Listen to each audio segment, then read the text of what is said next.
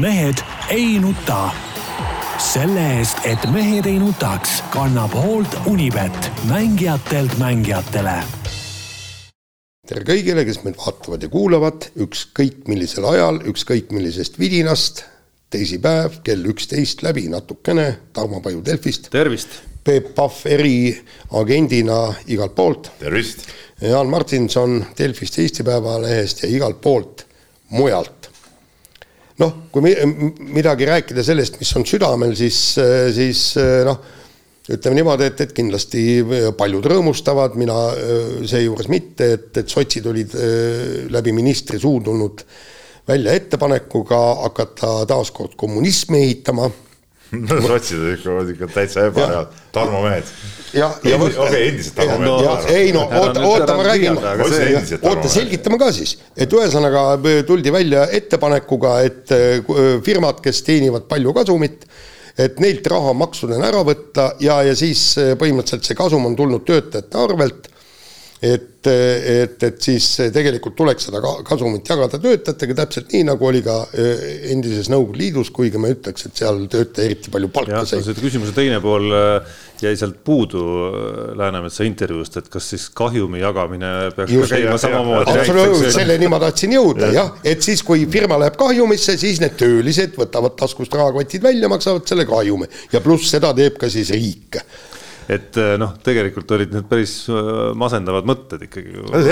nagu kõrgelt, eh, väga oluliselt otsustajalt meie riigis, et, et nagu aru saama, mis asi on ettevõtlus ja mis asi on nagu töösuhe, noh, võiksid nagu natukene kõrgemal tasemel olla.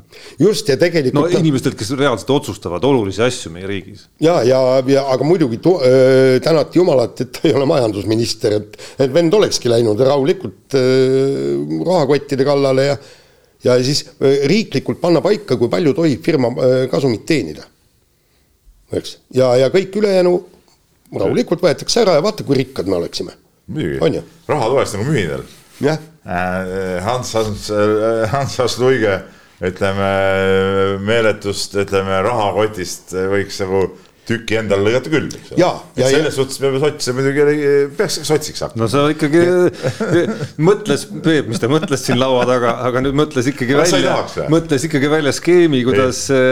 kuidas sotsid head on kuidas sotsid tegelikult ongi tema, tema kutsumus tegelikult. kas sa ei tahaks seda tükki augata või? jah, aga, aga tegelikult sealt võiks ju edasi minna, riik võiks äh, üle vaadata ka see, et mida firmade omanikud võivad omada.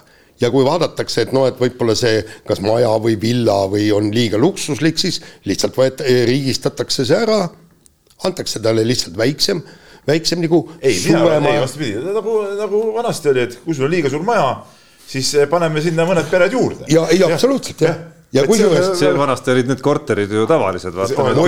nagu seal Eesti NSV, nagu seal Eesti NSV seriaalis. mina lapsepõlves elasin ka siukses äh,, elasin küll Vasamäes, meil oli siuke vana äh, suvilast ümber ehitatud äh, nelja korteriga majaks, kus üks korter oli mingi kööktuba, siis oli seal kellelgi kaks tuba ja siis ütleme meil oli äh, ühise köögiga niimoodi, et üks, üks mammi elas seal köögist, üks uks läks tema tuppa onju ja siis äh, ütleme, meil oli äh, kaks tuba, aga köök oli sama ja, ei, ja, ja no., ja, ja, ja, ja, ja peldik oli kõigil ühine, ütleme, koridoris. jah, ja no mina elasin ju ka, ma elasin ju põhimõtteliselt kuni sõjaväeni kaheksateist aastat, elasin ühiskorteris, viietoaline korter Tõnismäe tänaval ja meil oli seal kaks tuba, siis ühel perel, oota, jah, viie, jah, ja ühel oli ka veel kaks tuba ja siis ühel, ühel oli, oli, oli üks tuba seal ja kõik meil oli ühisköök, see oli, see oli ühisköök oli punkasi muidugi. see oli punkasi jah. ja põhimõtteliselt seal oligi, meil oli nagu nii-öelda õhtusöögi ajad olid, keetmisajad olid kõik paika pandud, sellepärast et ei saanud ju kolm peret minna ja meil oli nelja auguga gaasipliit ja siis oligi, et, et sina teed sööki kella seitsmest no,. koopereeruda ei võinud siis või? et noh, teed nagu vahetustega, et täna teeb see pere kõigile kolmele, siis teeb see pere ei, kõigile ei, kolmele. aga, aga üks asi, mis mulle muidugi selle asja juures meeldis, oli see, et söömine toimus siis äh, sul korteris ja seal ikka pandi ilusasti valge aga me saime siiski köögi, äh, ütleme köögikapp oli siis köögikapi peal nagu, et mis, mis oli üldse köögilaud, noh, ütleme see kapplaud oli. ja me lisaks sellele me mängisime vennaga pingpongi selle õhtuti selle laua, sama laua peal. sihuke väike, noh, ta oli nagu võib-olla pool sellest lauast, siis meil olid üks väike, väiksed madalad pappkarbid olid nagu võrguks seal vahel mm. ja siis mängisime pingpongi. aga, aga, aga, aga miks ma ütlesin, mis, miks see maja mulle meeldib, et see oli ka vana Eesti Vabariigi aegse ohvitseri suvila ja loomulikult tuli Nõukogude võimu poolt nii-öelda natsionaliseerida, eh, teha korda ja samamoodi praegult jälle. nii, meil on see, kus see Ants H. Luik elab meil tead, suur omanik, raha Pirital. nagu raba, Pirital, nii, kui suur maja on? Ma arvan kindlasti mingisugune seitse-kaheksa tuba, no sinna, sinna mahuks ikka mitu, mitu töölist perekonda elama, ma arvan. jah, ja kusjuures, ja kusjuures jah, siin on nagu e-, ettevõtjatest käib jutt, aga siin annaks edasi minna, et siin tänapäeval rahateemade investeerimine on ju noh, üsna menukaks saanud, eks, et alles oli siin suur investeerimisfestival, mingi tuhat pluss inimest olid kohal seal. Katri Tellerid ja Kristjan Liivamäed ja kes, kes seal e, suured nii-öelda nagu Eesti esiinvestorid ja aastainvestorid on no väga kahtlane ikkagi, kuidas, mis mõttes nagu miljoni, kahe, kolme, nelja miljonilised portfellid, kümme korterit kellelgi seal. no sealt peaks ju kohe Ei, hakkama no., sotsid peaks ikkagi sinna ka küüned taha. ma ütlen vereimejad, ettevõtjad, vere, nad ju elatuvad ju tööliste ja talupoegade verest, eks ole, nad ju imevad seda välja nagu ja need peavad nende eest nagu töötama ei, aga, aga ikkagi, kuule, teeme ikkagi nii, nagu oli, riigistame kogu selle kamba ära, aga teeme ja. veidi paremini, tähendab kõikidel, absoluutselt kõikidel. On ühesugune palk, nagu toona oli, sada kuuskümmend rubla, eks, no me paneme, paneme me mingisugune, no ütleme, kaks tuhat eurot on kõikidel. et seal oli siis nüüd parteilastel oli muidugi suurem palk, aga, aga nüüd, et aus olla, riigikogulastel, presidendil, kõikidel, kogu Eesti inimesed kaks tuhat, noh, kas tõuseb, langeb, siis fikseerime hinnad ka ära ja jumalast lahe oleks ju ei oleks. no nii, noh, ma saan aru, et Peebu veensid praegu ära, hakkasid küll nagu irooniaga pihta, aga selle, selle saatejupi lõpetuseks on Peep saanud aru, et, et, et tema, et tema, et tema viimane hüpe ikkagi siin oma valimiseelistuselt ei jää viimaseks, sest järgmistel valimistel ikkagi tuleb sotsidele hääl anda. ei, sotsidele võiks üldse kaardilt muidugi kaduda, aga noh, ütleme teooria oli meil õige kõik, teooria oli õige. nii, aga paneme spordiga minema no paneme. ja räägime alguses vehklemisest, äh, toimus mm. mis sa ei suutnud printerist täna äh, paberit välja saada, et sa ei, telefoniga oled tulnud. oota, pagan, ma ei saa, ja ei, mul ei olnud aega seal sellega jamada, ma noh, kui. siis? kuis, kuule, kui sa üks kord nädalas käid linnas, siis on sebimist niivõrd palju, nii, oota, ma võtan prillid eest ära, muidu ei näe. Jumal küll, nagu no. kas Jaaniga ei saaks midagi, minu, minul ei ole enam käsi nagu tema on, ütleme, näha on ju, mis on juhtunud pärast selle aastaga, et noh, mees on täielikult ju ütleme noh, ma isegi ei ütle, kuhu, kuhu suunda ta liigub, alustama teemaga nüüd. nii, ühesõnaga mm äh, individuaalselt midagi korda ei saadetud ja naiskonnaga siis Äh, kui praegu käib äh, olümpiapunktide kogumine, siis äh, kahjuks kaheksa sekka ei saanud, suuri punkte, punktide pärast heitlema ei pääsetud, kaotati Hongkongile. Ja, ja no ütleme niimoodi, kogu kamp vehkles parasjagu kehvalt, kuigi, kuigi seal noh, ütleme kaks minimatši siiski võideti ja ja, ja siis, kui kui helistasin peatreener Kaido Kaabermale, siis andis ta teada ja põhimõtteliselt enamus süüst valas meie nii-öelda liidri ehk siis ankonaise ehk siis äh, Tokyo olümpial. Väga hästi veelnud ja prong-, individuaalse pronksi võitnud äh, Katrina Lehise kaela, kusjuures äh, Kaido Kaabermaga rääkisin alles päev, päev hiljem praktiliselt viis minutit pärast äh, matši Hongkongiga tuli mulle juba esimene sõnum, mis teadis, et kuule, kas sa nägid, mida paganat see Katrin Aliis seal tegi. et ta ei veelnud ju üldse, et ta, järgmine sõnum tuli, ütleb, et nii primitiivselt pole ta veelnud, isegi noorteklassist on. ja, ja kogu nii-öelda süüdistus ka Kaido Kaaberma pealt ikkagi pritsiti äh, Nikolai Novosjolovi kaela, kelle kellega on, kes on nüüd siis äh, juba vist kaks aastat äh, enne äh, või kolm, kolm, kolm, kolm aastat. kaks tuhat kakskümmend oli see minu arust. jah, enne, enne aasta enne. kas kaks aastat enne olümpiat ei olnud? ei, üks aasta, ei, üks aasta enne. olümpiat jah. aasta enne olümpiat jah, ja, ja põhimõtteliselt noh, ja, ja, ja et, et süüdi ongi see Novosjolov, kes ei oska Katrina Leist, kui Eesti läbi aegade kõige andekamat vehklejat ei suuda treenida ma ei tea, kas te lugesite Postimehest täna, Jaanus Kriisk kirjutas väga hea kommentaari. nii, kus ta selgitas, pealkiri oli see maailma parim sportlane ei pruugi olla hea treener. ja seal ta selgitas ja põhjendas ära ja ta tõi seal, tähendab, oma arvamusloos välja, eks üks asi on see, et, et et, et võtta nii tipptasemel sportlane treeneri poolt, kellel on ainult iseenda kogemused ja kellel ei ole ka haridust kes ei ole kõrgkoolis käinud ja ütles, et väga, väga libe tee ja selgitas ära, et mis võis juhtuda siis Kat-, Katrina Leise, kuigi ta ei too nimesid seal välja, Katrina Leise Novotšolovi treeningute tagajärjel. ühesõnaga niisugune sissejuhatus. ma teen siiski väikese faktiparanduse, kaks tuhat üheksateist äh, sügisel juba juba tutvustasid Novotšolov ja Lehis ühiseid plaane. jaa, siis oli jutt, et aastane olümpiad, aga olümpiad teadupärast lükati aasta peale edasi. ma mäletan seda juttu, et aastane olümpiad see kõik teha. nii, aga Jaan, aga no kõik on tore, eks ole, aga mm., aga milles siis Novosjolovi süü seisneb? Äh, no ütleme niimoodi, et ma ei, ma ei saa siin, ma ei saa siin tegelikult rääkida, kuna neid asju ei ole mulle räägitud diktofoni. Äh, aga, aga. Novosjolov ise on saanud ka midagi ütelda või? Äh, no Novosjolov ei no, ole. ma lugesin sulle seda lugu, eks ole no,, hakkame sellest pihta, sellist lugu nagu niimoodi Jaan teha nagu ei tohi. miks ei tohi? ei, muidugi ei tohi, et peatreener, ega ma ei ütle, et peatreener midagi valesti kritiseeris Lehist ja ma vaatasin ise ka neid vehklemisi. no oligi vilets ja Lehis ise ka tunnistas, et oli, oli vilets, see kõik on okei okay.. aga nüüd, kui peatreener juba hakkab kritiseerima mingit a la kolmandat isikut, eks ole, ja nii ütleme väga-väga tugeva sõnumiga, no siis ütleme ja igasugune, ütleme, ajakirjandusloogika ütleb, et nüüd see, see süüdistatav oleks pidanud ka sõna saama. aga see muidugi ei saanud sõna, et see no,, et sellisel kujul nagu minu arust see oli nagu, niimoodi, et... oli nagu väga halvasti tehtud ja no, ma ütlesin sulle seda kohe välja ka, et. ja ei, aga, aga, aga ma, ma ütlesin ka, et, et meie seisukohad ei kaht-, kattu ja siis ütlesin, et, et ma ei hakka selles sinu, noh, sinuga ei hakka vaidlema, sest see oli puhas ja selge võistlusülevaade, kus treen-, peatreener ütles välja oma arvamuse, mikspärast kaotati Hongkongile ja, ja sealt läks ju edasi no,. no siin Jaan on Peebul kahtlemata õigus muidugi no,, et okay. selles esimeses loos oleks, oleks võinud ja pidanud Novosjolovi ja Lehise laused juures olema, aga, aga see on nüüd nagu ajakirjandustehniline küsimus, mitte, mitte ei, enam selle, selle juhtumi analüüs. ei, vaata, ma tahtsin juhtumi juurde või no ütleme selle asja juurde sealt edasi jõuda, et siis me oleks saanud ka teada, mida siis Novosjolov ja Lehis on nagu teinud, mida nad ise nagu sellest arvavad, eks ole, et, et mis on nagu nende arust nagu valesti läinud, see oleks nagu, nagu see on ka selle loo nagu teine pool või selle kogu selle juhtumi, et miks Leis nii kehva oli, teine pool, noh. me praegu no, öeldakse, et Leis oli kehva. okei okay, okay,, selle,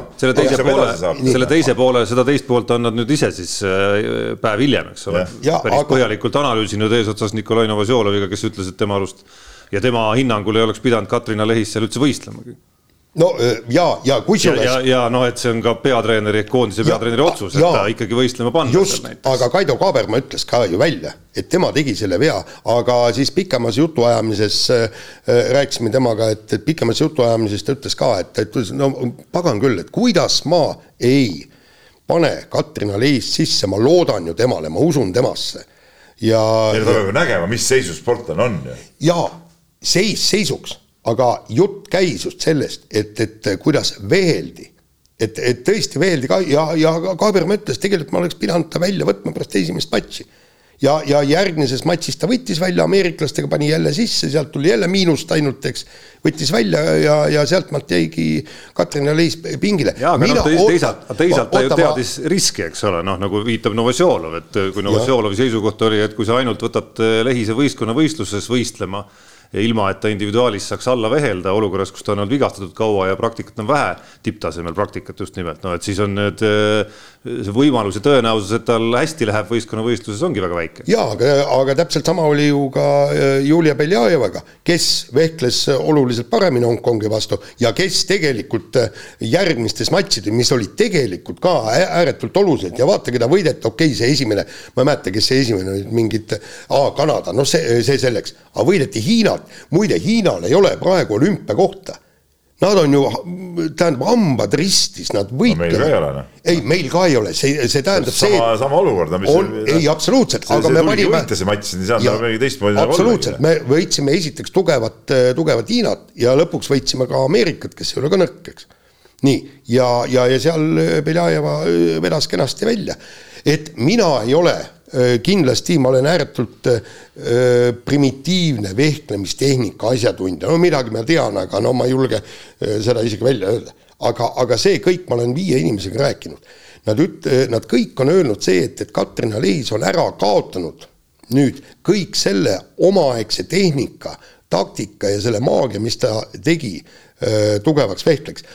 lisaks noh, ühesõnaga ka inimesed on rääkinud, mida nad on näinud kõrvalt, kuidas toimuvad need nii-öelda individuaaltreeningud ja kõik ja, ja aga et... seda me tahakski nagu täpselt teada, et kuhu see siis see see tehnika on kadunud ja, ja, ja vot see on nagu nüüd lugu, mis, mis peaks nüüd järgmisena sinu suulest ilmuma. ei, no minu suulest ei saa ilmuda, kuna Novitšolov minuga ei, ei räägi, eks.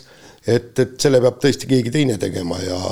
mina proovisin muidugi Novitšoloviga kontakti saada, aga nad helistasid selle oma selle mm -hmm. selle mm, asja ise välja panna. aga no ikkagi ja. see, ikkagi see küsimus, mida, mida me siin ei ole minutite jooksul veel nagu küsinud selle nurga alt, et et noh, lõppkokkuvõttes on äh, Kaido Kaaberma koondise peatreener. Äh, võitlus olümpiakohtade nimel ja tulevaste tiitlivõitude ja medalite ja MK-etappide esikohtade nimel jätkub ju, ju endiselt.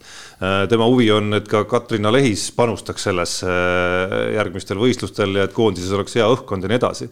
et kas, kas teile ei tundu, et see, see ei olnud nagu väga tark otsus peatreenerilt nagu nii isiklikuks minna ikkagi, et üks asi on sedastada jah, et, et, et, et Lehise vehklemine tegemises oli see teine ja kolmas puudujääk, nagu nad ka ise tunnistavad, teine asi on minna ikkagi noh, nagu ikkagi nagu samm edasi selle kriitikaga, et see kõlas selline no,. natuke robustselt. nagu, nagu selles mõttes robustselt, et tuues mingilt muult alalt, muult alalt paralleele, noh ma ei tea, Kristjan Kasemets pääses Keilast siis esimese Peebu õpilasena Eesti meeste koondisse ja Jukka Toial oleks siis avalikult lamentinud seal noh, mingid siuksed nagu sügavale välja, millist kuradi jampsi seal Keilas on tehtud oh. sellega, et on õpetatud, ma ei tea, mingisugust viskeliigutust hoopis valepidi, eks ole. näiteks on ju. oota, oota, ma lõikan, ma lõikan kohe vahele, seda on ju teinud, seda on te teinud nii Salumets kui ka seda on teinud ju te teised täpselt sama, isegi Kerde, kui ta oli. no seal on peade... natukene nagu vahe ikkagi, kas sa, kas sa keskendud konkreetsele sooritusele seal või ja, ja,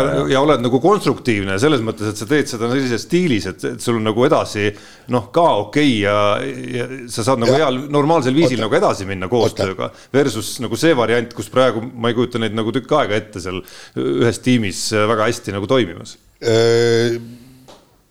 tähendab, nii palju, kui mina olen aru saanud, on kõik need väljaütlemised ja, ja kõik ka nende teiste inimestega, kellega ma olen rääkinud, et see oli nii-öelda nii appikarje, eks et no kuidagigi teha Katrina Lehisele selgeks, et kui sa tahad taastada oma tipptaseme, siis sa pead leidma teise treeneri. Ma, öö, ei ma... no vaata, vaata Jaan, sellist, oota nüüd. on ta seda otse ka? selliseid asju räägib peatreener sportlasega üks-ühe vahel vestluses või siis on see siis, või teine asi, kui on, ma ei tea, koosolek, koondise koosolek, seal on neli sportlast või kuus sportlast koos oma treeneritega võib-olla, vot siis, vot neid asju arutatakse seal, see ütleme läbi artikli mingit, mis kuradi appi karje, no see on ka mingi udujutt, noh. no see, läbi artikli see kindlasti nii ei käi.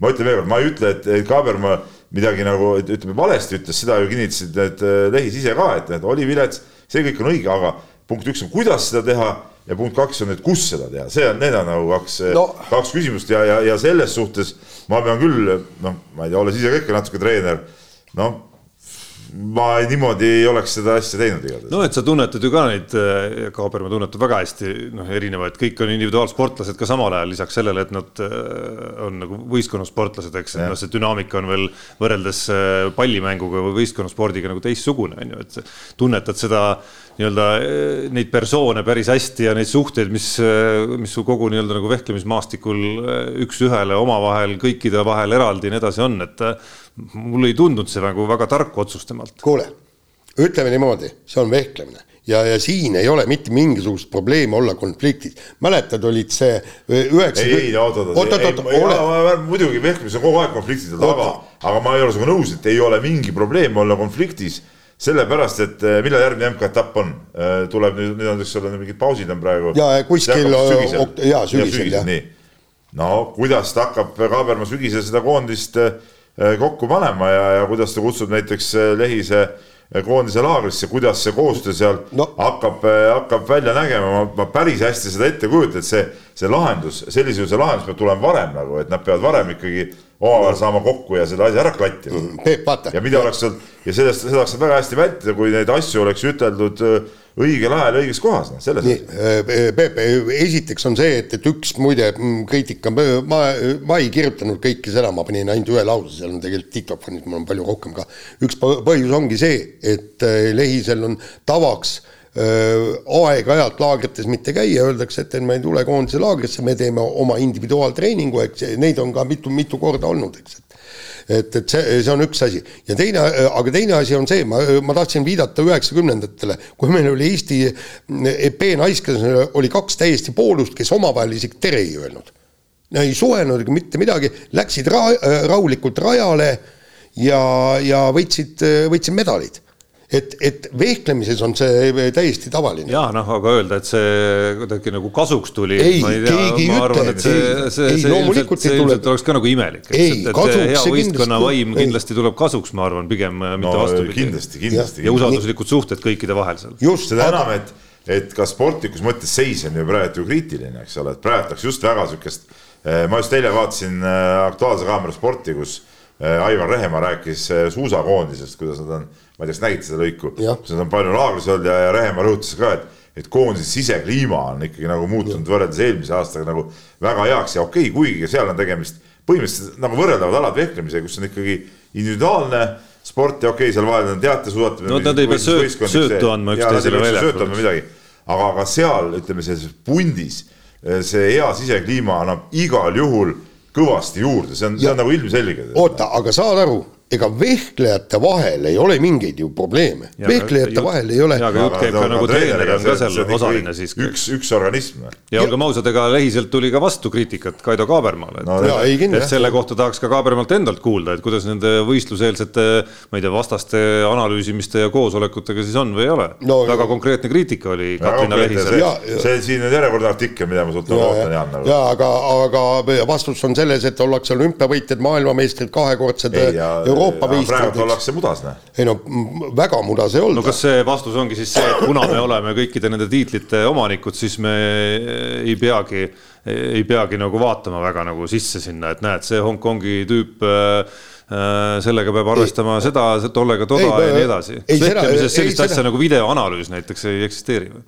no ma arvan, et et koos vaadatakse üle? no e, ilmselt seda ei ole tehtud ja ma, ja, ja ma ei ole kindel, et seda tehti ka enne olümpiamänge ja enne MM-i, kus nad kuld, kulda võideti, see on kogu aeg tüüpiline süsteem. kaheksakümnendatel ka puudus videoanalüüs, kuni Rivo Soonik aga... hakkas äh, äh, pani noored mängumehed telekat ja videomakki tassima Nõukogude Liidu avarustes kaasas ja nii see, nii see tuli ühel hetkel. jaa, aga, aga äkki me oleme no, siin ka kuskil jäänud nagu tead, jälle, jällegi ma ei taha kedagi kaitsta, midagi öelda, aga ma arvan, et vehklemises on see, see tõesti videode vaatamine on ääretult personaalne. eks, et vaata, noh, jalgpallis on ju, eks, et koondisega, et või, või, või kui sa paned, et noh, et, et teeme nüüd niimoodi, eks, et, et seal ma ei tea, kaitsjad liiguvad ettepoole, teeme siin niisugusi kaitseskeeme või rünnakuid, et mängime palli äärtele, kõik nii. aga, aga vehklemises on ju puhtalt, et vaevalt ma, ei ole kindel, et Kaido Kaberma isegi suudaks videoanalüüsis öelda äh, Erika, võib-olla suudab, äh, Erika Kirpule või, või äh, Julia Beljajevale, et näed, Hongkongi selle vehkleja vastu proovi teha seda, teist, kolmandat, neljandat, eks seal on ka, no seal on need naiskonnavõistlused erakordsed nüansid, jälle palju sõltub seisust, värgist, särgist. noh, mulle tundub, et ja. kuna nüüd aga... lähen alale, kus ma ei ole üldse nagu liiga kodus, on ju, aga mulle tundub, et mingid seda tüüpi asjad justkui peakski nagu selle koondise treeneri või koondise juhtide nagu pärusmaa nagu olema, et, et ta ei ole ju ühegi koondislase isiklik treener ehk et ta ei, ta ei juhenda neid eh, päevast päeva ega, ega tegele nende arendamisega, aga küll aga siis peab tegelema sellega, et nii-öelda noh, nii nagu pallimänguski, et saada siis nagu sellest kooslusest, kes tal on, nende vastaste vastu, kes vastu tulevad nendes olukordades, mis seal tekivad, et nendest siis võimalikult hästi nagu välja tulla, vahetada naisi äh,, anda neile õigeid nõuandeid äh,, olgu siis enne võistlust või võistluse ajal või pärast võistlust võistlust, lohutada, kui vaja, riielda, kui vaja ja nii edasi. ja aga, aga ma, ma tõesti, ma ei oska öelda. ja ehitada ka..., ja ehitada hea õhkkond, ma arvan, sinna võistkonda, mis on ja. kindlasti üks olulisi ülesandeid. ma veel kord ütlen, et, et ma tõesti, tõesti ei tea, milline on tööstiil ja ma ei julge seda kritiseerima hakata, vaadata, vaadates seda, kui palju on meie vehklejad või võitnud ja vehklemises ikkagi on see, et peamine on isiklik treener. aga mis, mis nüüd edasi ma äh, räägin. no korra segan, sealt selle argumendiga saavad muidugi nagu kõik öelda, et nemad on kõige õigemad tegijad, sest et kõigil on seal nii individuaalselt kui ka võistkondlikult ja. ette näidata ja. edukust, eks ole, et noh, mhm. Novosjolov ka ikkagi kaks aastat äh, jõudis, jõudis juhendada lehist. kes on praegu parim äh, Eesti vehklemistreener? no Kaido Kamarma no,. kus nii, sa ütlesid, peamine on individuaalne treener ju ei, aga, aga sa küsisid, ma ütlesin Kristjan Anti ju Kaido ka. seda küll, ma küsin veel kord, et kes on praegu vehklemis, eh, parim vehklemistreener Eestis? no ma pakuks Neelis Naukas. jah, no täpselt õigesti, et tema, tema, tema sportlane Neili Tihvert on eh, viimastel tiitlivõistlustel kõige parem. kui sa ütled, et. ja võitis EM-i pronksi ka. ma räägin, et, et ja. kui sa ütled, et individuaalne, siis, siis noh, nii ongi, seda ma tahtsingi sinust kuulda. jah, aga, aga ei, aga ma ütlen, et faktiliselt on Kaabermaa rakele keerutama no,. nii, no kellel on Kristjan? nii, aga see selleks, et äh, mis ma tahtsin öelda ah,, aga nüüd on vaata see, et, et, et kuidas meil on koostöö, ta-ta-ta. kui Katrin Alehis tahab naiskonnaga võita medaleid ja, ja tahab pääseda olümpiale, sest teist võimalust tal ei ole, individuaalselt ta ei saa sinna.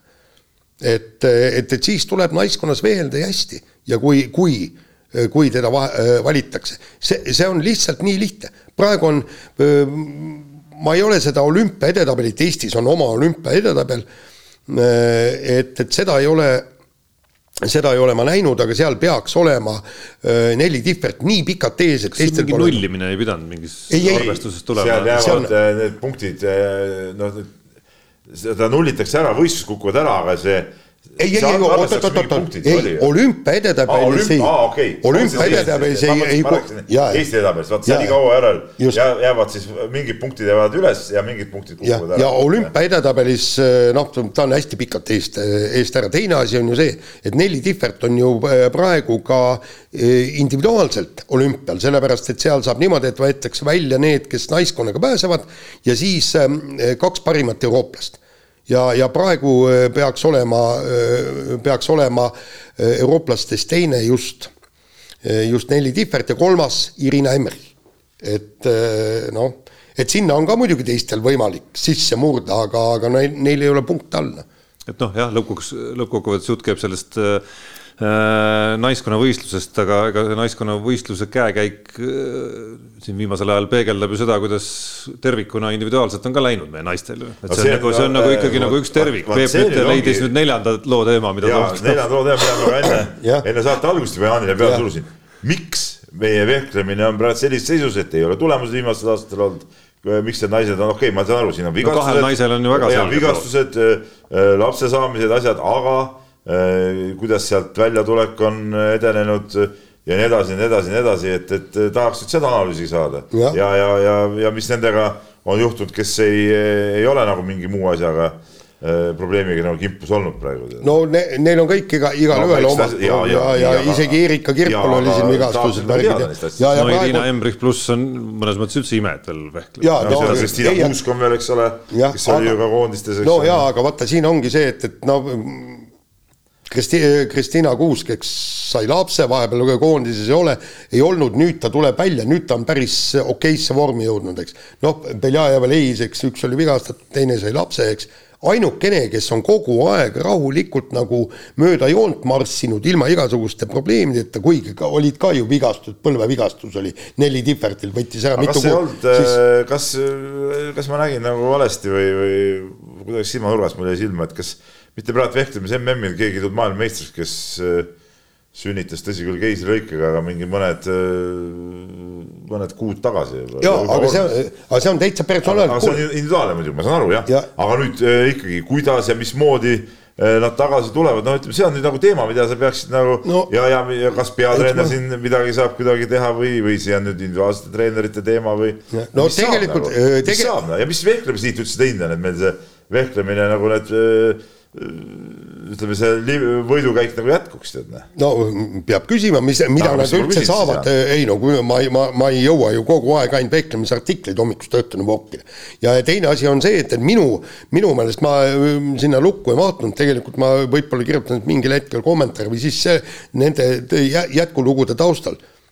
minu konkreetne praegusel hetkel on äh, niisugune eesmärk, et sellest päevast peale tänasest päevast, homsest, ülehomsest, unustame kõik selle ära, et äh, kes peavad koondisse nii-öelda naiskonda kuuluma, praegu on ju äh, väga selge, tähendab, nii palju vähemalt muudeti, eks, edetabeli kaks esimest pluss kaks peatreeneri valikut. Äh, tiitlivõistlusi enam ei tule, kõik saavad vehelda individuaalselt MK-etappidel, see ei ole probleem. ja võtame nüüd Kaido Kaabermalt ära selle piirangu, et ta peab võtma kaks kaks esimest. selle, selles kahe esimese reeglis ei ole ju probleem. mis probleem on siis?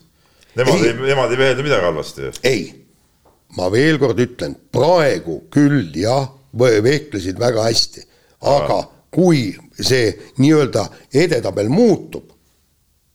mis muutub, no siis on teised nagunii paremad. Need, kes sees on, need on paratamatult ju, eh, tähendab edetabeli liider on igal juhul kõige parem, see on nagu selge noh, mulle ka ei tundu nagu see, seal probleemi nagu praegu, vaid äh, probleem tundub selles, et meil pole mm. nagu piisavalt palju, piisavalt hästi vehklevaid naisi, noh nagu tippu ja päris tipp, tippude nii-öelda nagu medalimatšidele jõudvaid naisi, kes piisavalt sageli jõuaks individuaalselt ka sinna. mida ta oleks siis selle koondisega teistmoodi teinud praegu? ei, ega ma ei tea. noh, ei olekski midagi teha olnud. ei, ei, aga äh, tead, me, meil läheb liiga. ei, ei, ei lähe midagi liiga pikaks. ei, ma, ma, ma toon sulle, ei oota, ma toon, ma toon sulle näite ma toon sulle näite, pannakse, on edetabeli järgi otsu-, otsustav etapp, eks. ja, ja neli naist vehklevad sel otsustaval öö, turniiril individuaalselt suurepäraselt.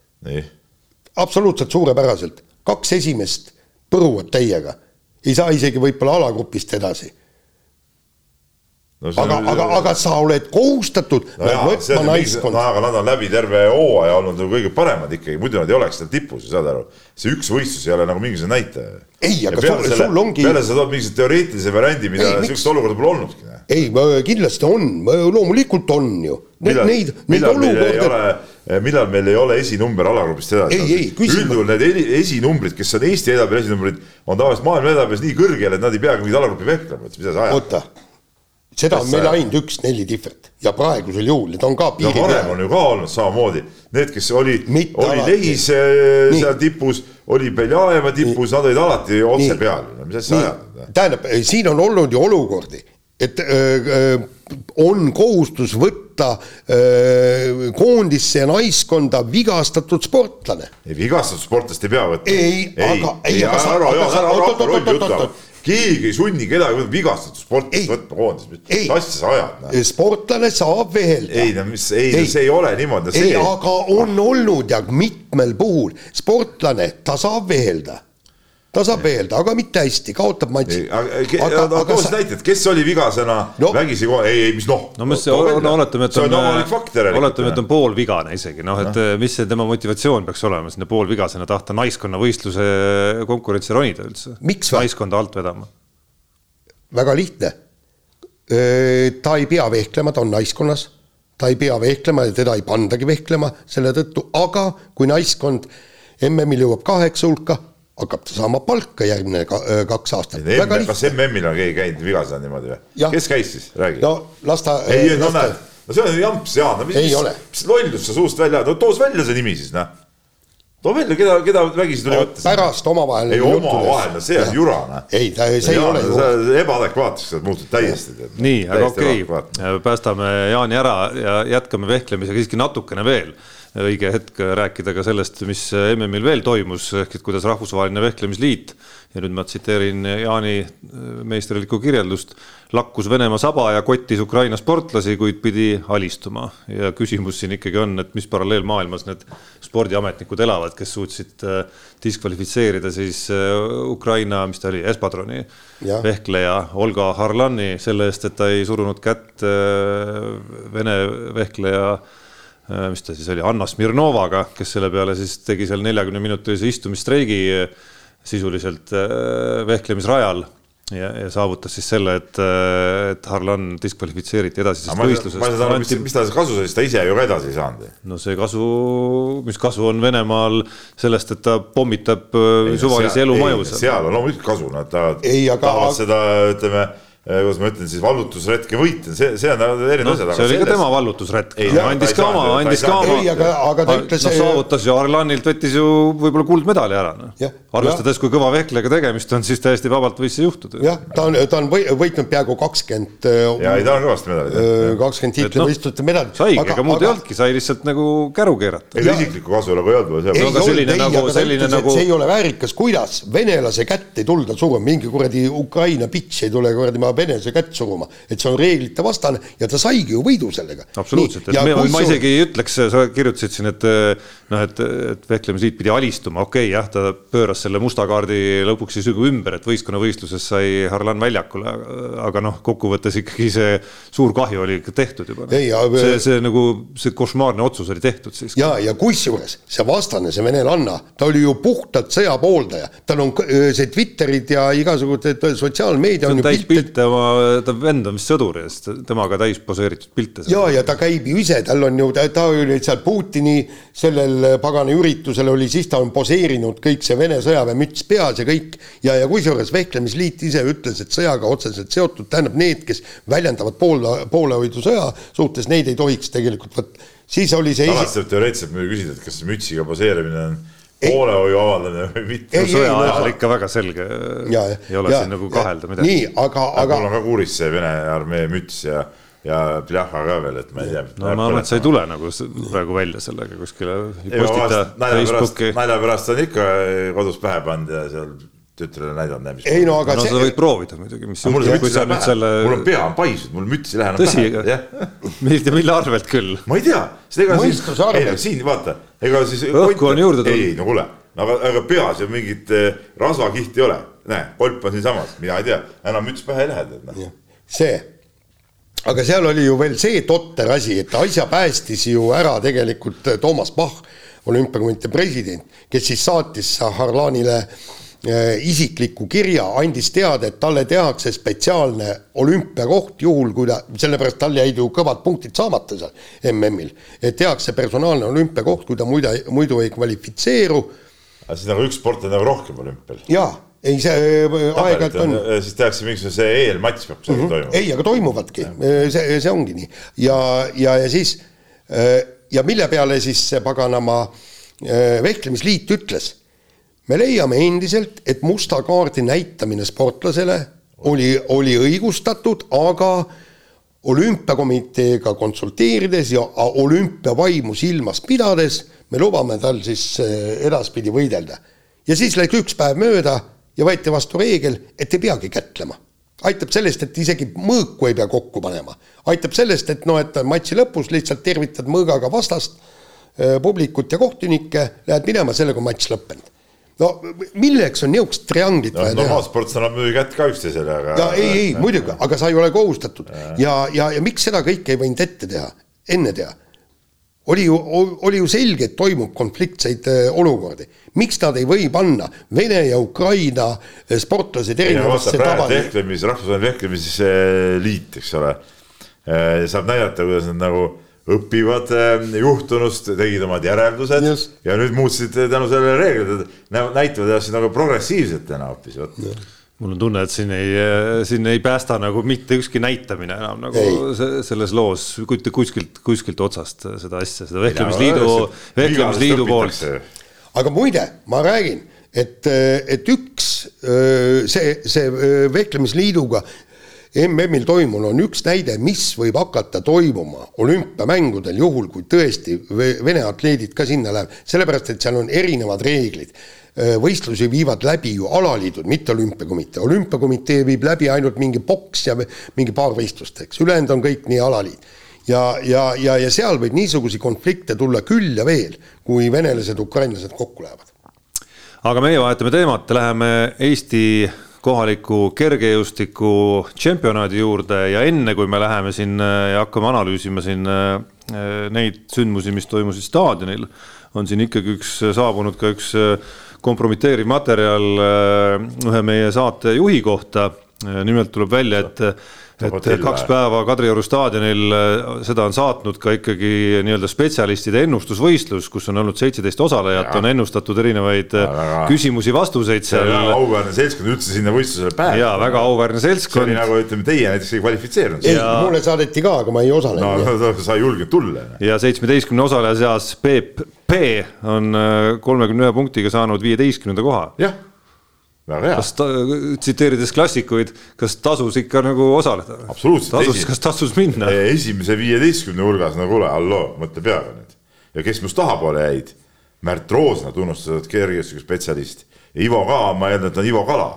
Äh, ka endine äh, tipp äh, kergejõustiklane ja spetsia-, ütleme selliseid mehi edestada, noh, ma ei, ma olin väga rahul, väga rahul olin sellega nii, no ma hakkan süvenema siin muidugi ka, see on kümnevõistluse esikolmik, esimene koht Janek Õiglane, kaheksa tuhat kolmsada kakskümmend punkti no,. õiglane. ikka täiesti asjatundmatu. õiglane vedas mind alt, seepärast, et õiglane punkt üks tegi kolm ära, siis tundis, et rohkem ei viitsi võistelda, eks ole, lõpetas ära pärast äh, kaks päeva seal äh, niisama äh, tuies seal tribüüni peal ringi. kes neist püstitab nii. kõige rohkem isiklikke rekordeid, õiglane Erm Lillemets, Hausenberg, Rosenberg, Peebu vastus Hausenberg. noh, loogiline vaata, mis äh, ta oli vormis ju, ta oli vormis, ei tulnud välja. naiste olaviske võidu tulemus kuuskümmend, viiskümmend. noh. jälle vedas, jälle vedas alt. vedas alt jälle jah. nii, kuule, aga, aga räägime okay, nüüd. räägime asjast. et, et, et kaks, üks suurepärane tulemus, Rasmus Mägi, üks hea tulemus, Johannes Erm. oli veel midagi? Mida tasuks märkida? no sa artiklit lugesid, seal paar punkti oli ju veel välja toodud, et, et ikka oli nagu, oli, oli tore, oli ütleme, ütleme avapäeval oli, näitab seega noh, ütleme kümnevõistlus käis läbi kahe päeva ja ERM tegi avapäeval ka väga, väga toredaid tulemusi ja, ja seal oli nagu asju küll.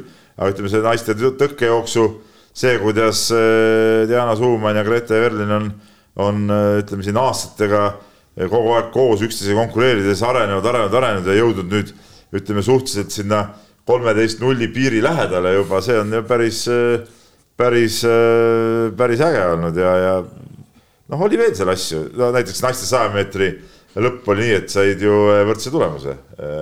Ja tuhandikega siis mõõdeti, kes siis võitis, kes kaotas, aga kui me tervikuna muidugi vaatame, siis no ega, ega seal nüüd väga suuri siukseid no kindlasti osa sportlased enne tegid eneseületamisi, keda noh, keda me võib-olla ei teagi, et need olid tema, nende jaoks eneseületused, aga kui me vaatame nüüd neid sportlasi, kes oleks võinud veel MM-ile pürgida või, või, või siukseid, ütleme, normaalseid tulemusi teha, siis ega neid väga suuri eneseületusi ei tulnud muidugi ja, ja, ja mis veel nagu, mis mind nagu ikkagi häiris kõvasti, oli ikkagi, me oleme varem ka rääkinud et mõnedel aladel no ikka osavõtjate nappus, no kui, kui naiste teeoshüppes anti välja ainult kuldmedal, okei okay,, seal oli kaks osalejat, aga teine osavõtja sai nulli ja anti välja kuldmedal äh,. oli alasid, kus kas äkki meeste tõkkejooksus, saja kümne meetri tõkkejooksus oligi minu arust äkki kolm meest stardis. neljaseid ma nägin mitu. neljaseid oli päris palju, meeste kümne kilomeetri käimises kaks meest, kusjuures hõbeda sai kuuekümne aastane mees oleks pidanud ka minema, seal on kiri,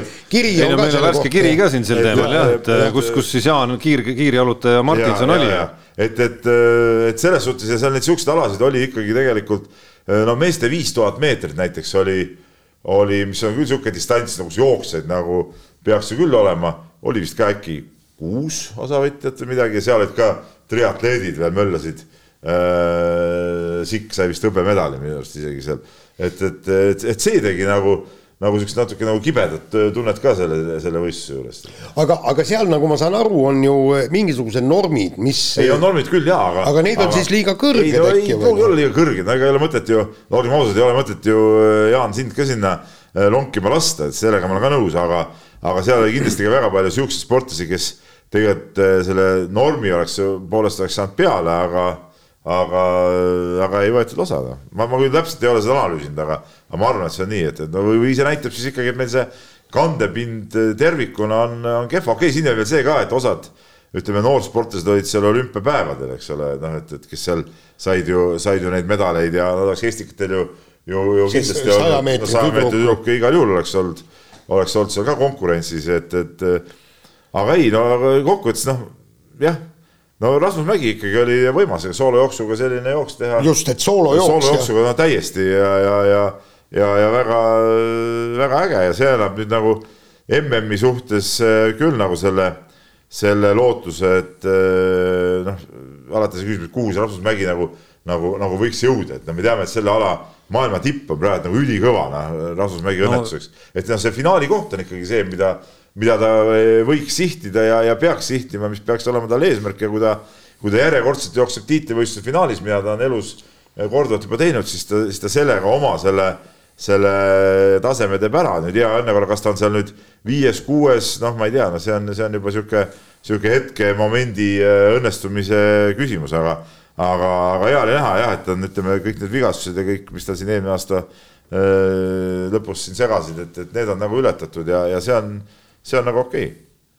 Okay.. nojah, et seal ütleme noh, kirkamad medalid kindlasti lähevad meestele, kes ju jooksevad alla neljakümne seitsme, eks ole, noh, kas nad seal seda suurvõistlusel teevad konkreetselt või, aga noh, nende võimekus on ikkagi seal kuskil sekund-poolteist justkui nagu muust kambast äh, ikkagi nagu eespool, eks ole.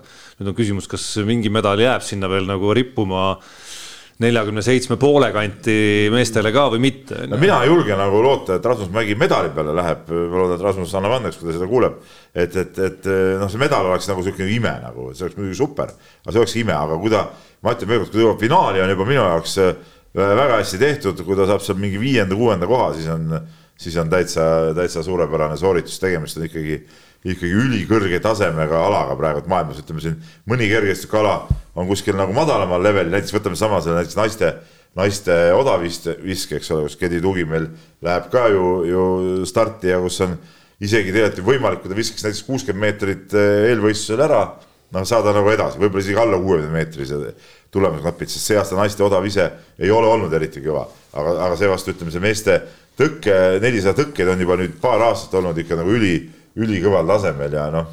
seal on juba no, finaali saamine. olümpiapronksiks oli alla neljakümne seitsme vaja joosta. ma räägin, see on nagu meeletu, meeletu tase. viiendaks kohaks ma võtsin ette vahepeal nelikümmend seitse, kaksteist, oli vaja joosta, et viies koht ja. saada no,. see on metsik tase noh, jah.